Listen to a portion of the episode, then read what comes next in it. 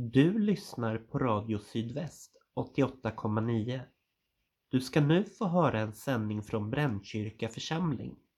Ansvarig utgivare är Gustav Frosteblad och bibeltexterna är från Bibel 2000, copyright Svenska Bibelsällskapet. Kom ihåg att Brännkyrka församling också finns som podcast och du hittar oss där de flesta podcasts finns.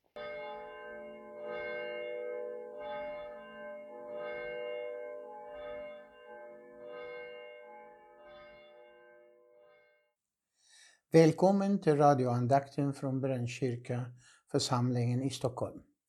Jag heter Rad Laso och är diakon här i församlingen.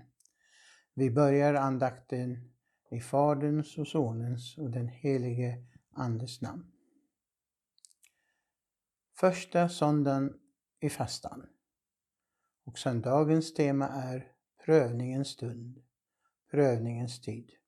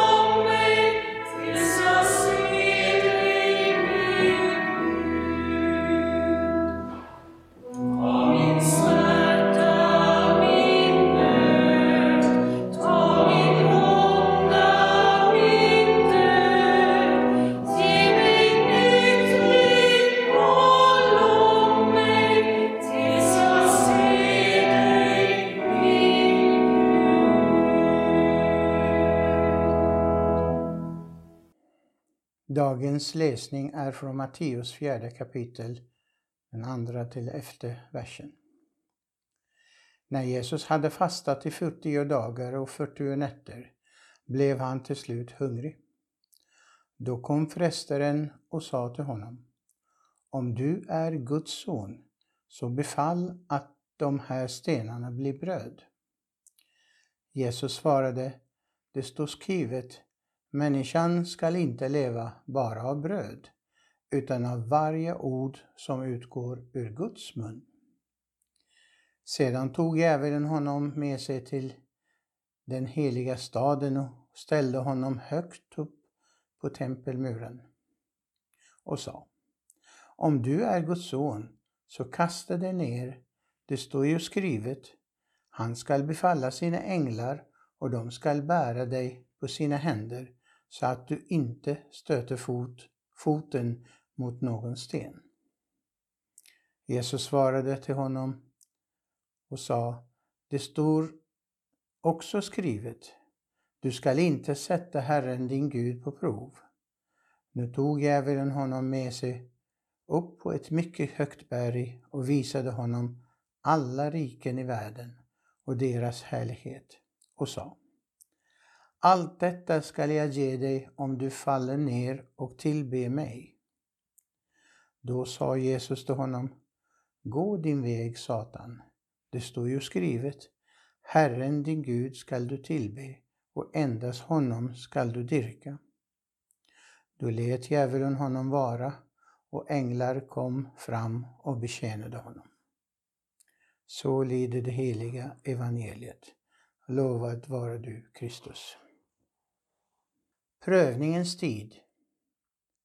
Just nu kan det verkligen kännas som om hela världen håller på att prövas. Pandemin har tagit en stor del av allas krafter och har skapat mycket sorg och förtvivlan hos alla. Många frågor och många funderingar rör sig i huvudet på oss. Och vi frågar oss själva, varför? Och hur kunde detta ske? Tålamodet håller på att försvinna. Vad är rätt och vad är fel? Mycket information får vi, men vad är sant? En sak vet vi för säkert att mörkret inte kommer att ta bort ljuset. Må vara att det ser mörkt ut för tillfället, men ljuset finns alltid kvar fast vi inte kan se det just nu. Det är något som skimmer och vi kan inte se ljuset tydligt. Med uthållighet och bön och till och med fasta kan vi övervinna mörkret och ljusets sken kommer åter. För att lysa och värma vår värld och vårt liv. Med tillit till dem som arbetar med medicinsk forskning och tillit till vår Gud som har skapat oss och älskar oss. Och genom hans nåd får vi lita på att det är snart ljus igen. Och vi kan leva med varandra som vanligt igen.